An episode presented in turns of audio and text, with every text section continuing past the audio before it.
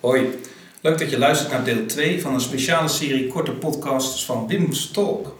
In deze serie behandelt Wim enkele Bijbelse woorden en hun geheim. Uh, deel 1 ging over het begrip eeuwigheid. En welk woord heb je voor deel 2 uitgekozen, Wim? Uh, het gaat nu over het begrip geloof. Geloof. Oké. Nou, voordat we daaraan beginnen, eerst nog even de huishoudelijke mededelingen. Een update van je spreekagenda. waar en wanneer spreek je binnenkort?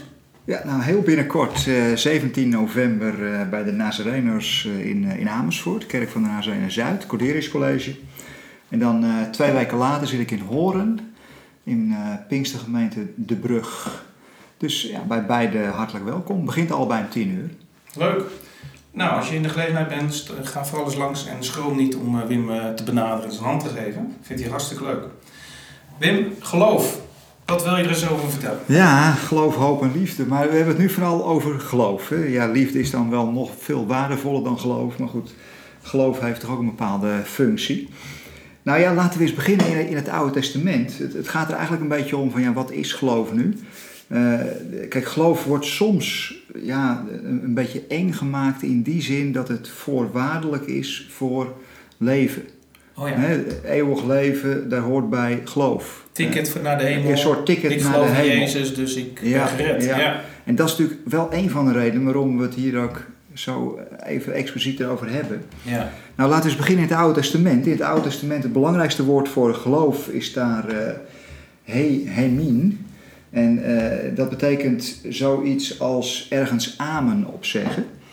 Maar ja, niet zozeer intellectueel. Van je, zegt, je zegt op een waarheid amen, maar je doet het met je verstand. Zeg je ergens amen op, maar ook met je hele persoon.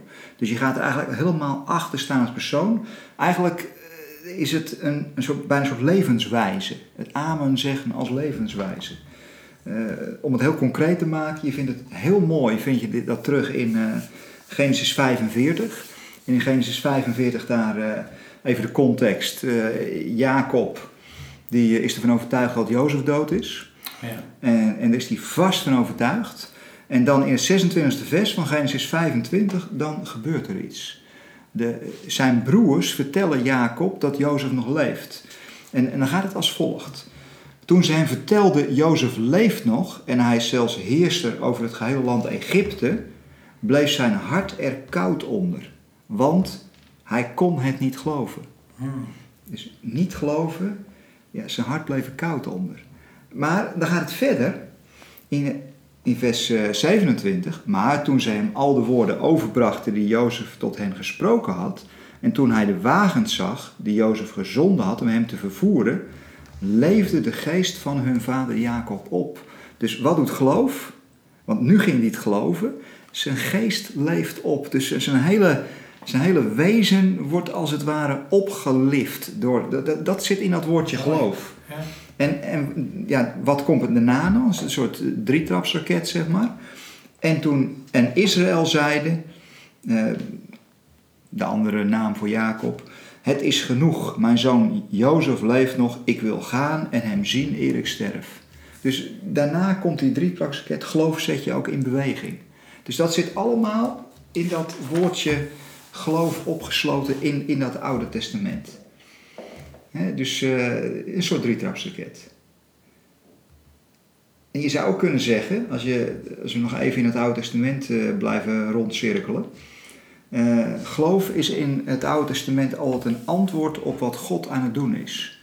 He, je vindt dat heel mooi in, in Genesis 15. Genesis 15, daar haalt God Abraham er even tussenuit en dan krijgt hij wat aanschouwelijk onderwijs.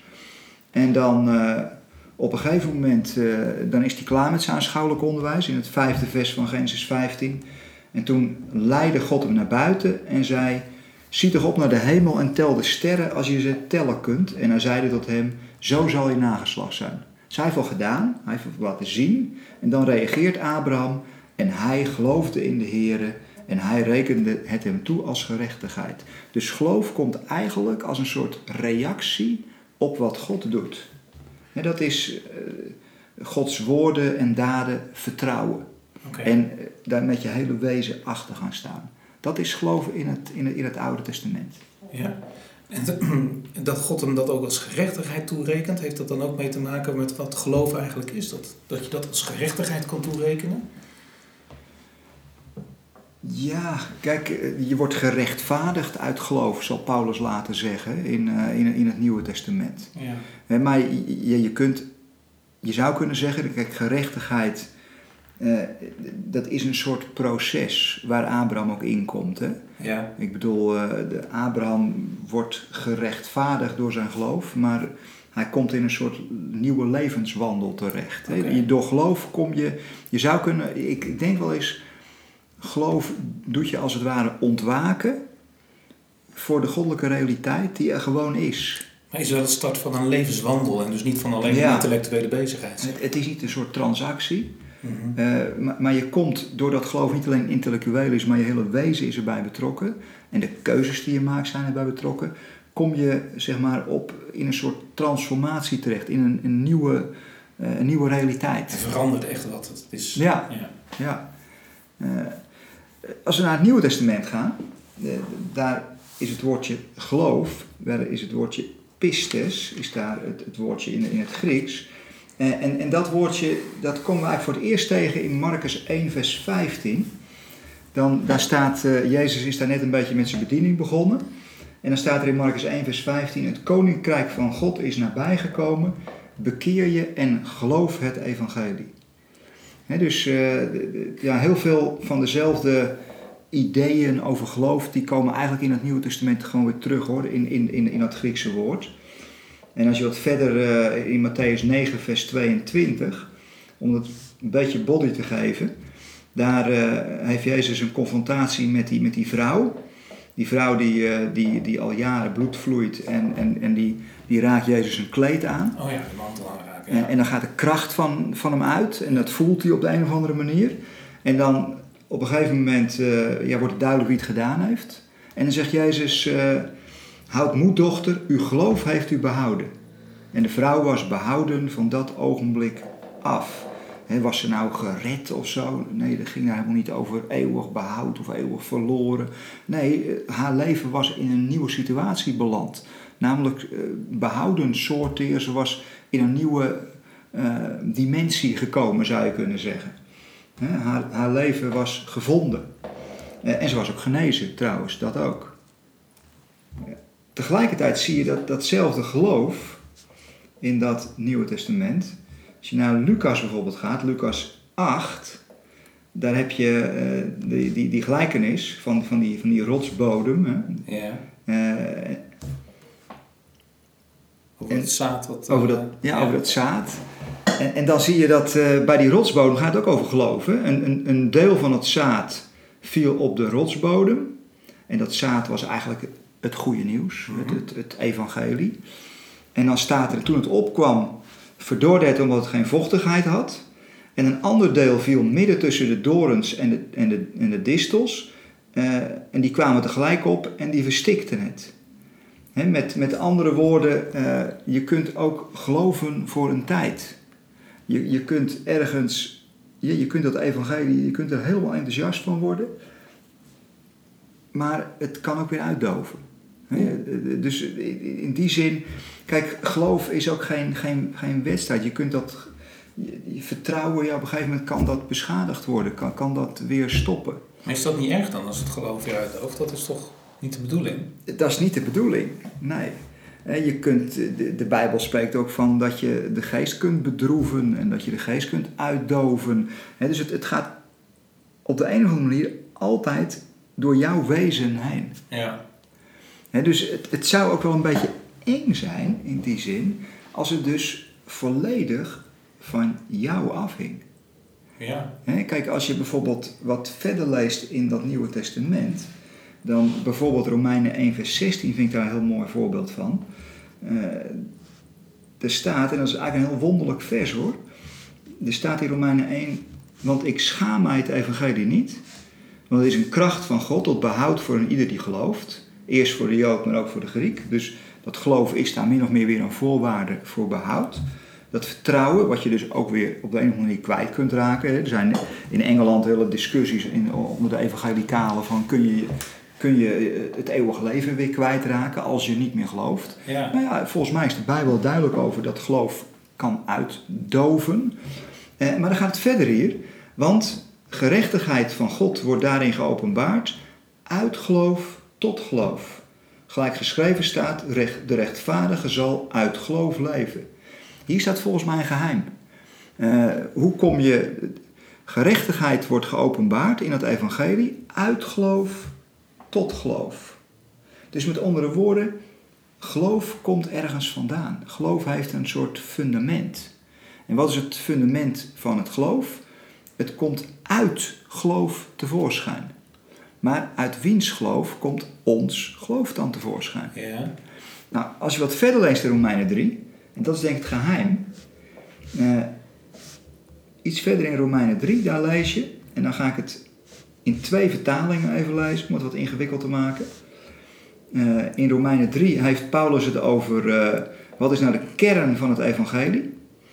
Eh, en hoe kom je nou tot gerechtigheid? Hoe kom je nou in die nieuwe levenssfeer? En dan staat er in de vertaling van, de, Nederlands Bijbelgenootschap uit 1951. Thans is echter buiten de wet om, buiten het wettische denken om, gerechtigheid van God openbaar geworden, waarvan de wet en de profeten getuigen. En wel gerechtigheid van God door het geloof in Jezus Christus. Voor alle die geloven, want er is geen onderscheid. Want alle hebben gezondigd en derven de heerlijkheid van God en worden om niet gerechtvaardigd uit zijn genade door de verlossing in Christus Jezus. Dus hier is het weer gewoon het onderscheid.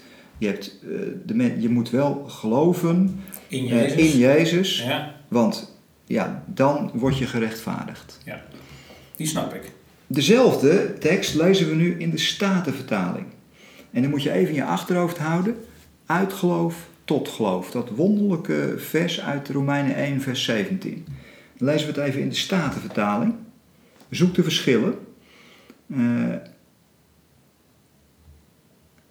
maar nu is de rechtvaardigheid Gods geopenbaard geworden zonder de wet, hebbende getuigenis van de wet en de profeten. Nou, dit is nog redelijk overeenkomstig. Namelijk de rechtvaardigheid van God door het geloof van Jezus Christus tot allen en over allen die geloven. Want er is geen onderscheid. Dat is apart. Dat is apart, hè? Het geloof van Jezus staat hier. Niet in Jezus, maar het geloof van Jezus. Het is, het is wat, wat, wat meer uitgebreid. Nog één keer dat vers 22. Hè? De rechtvaardigheid van God door het geloof van Jezus Christus tot allen en over allen die geloven. Want er is geen onderscheid. Want ze hebben alle gezondigd en derven de heerlijkheid Gods en worden om niet gerechtvaardigd uit zijn genade door de verlossing die in Christus Jezus is. Je zou kunnen zeggen, hier gaat een soort deur open naar wat werkelijk genade is. Kijk, als geloof een keiharde voorwaarde zou zijn en je kunt het weer kwijtraken en soms heb je het en soms heb je het niet, dan is genade niet werkelijk genade meer. En daarom is dit vers zo belangrijk, want het fundament is het geloof van Jezus zelf.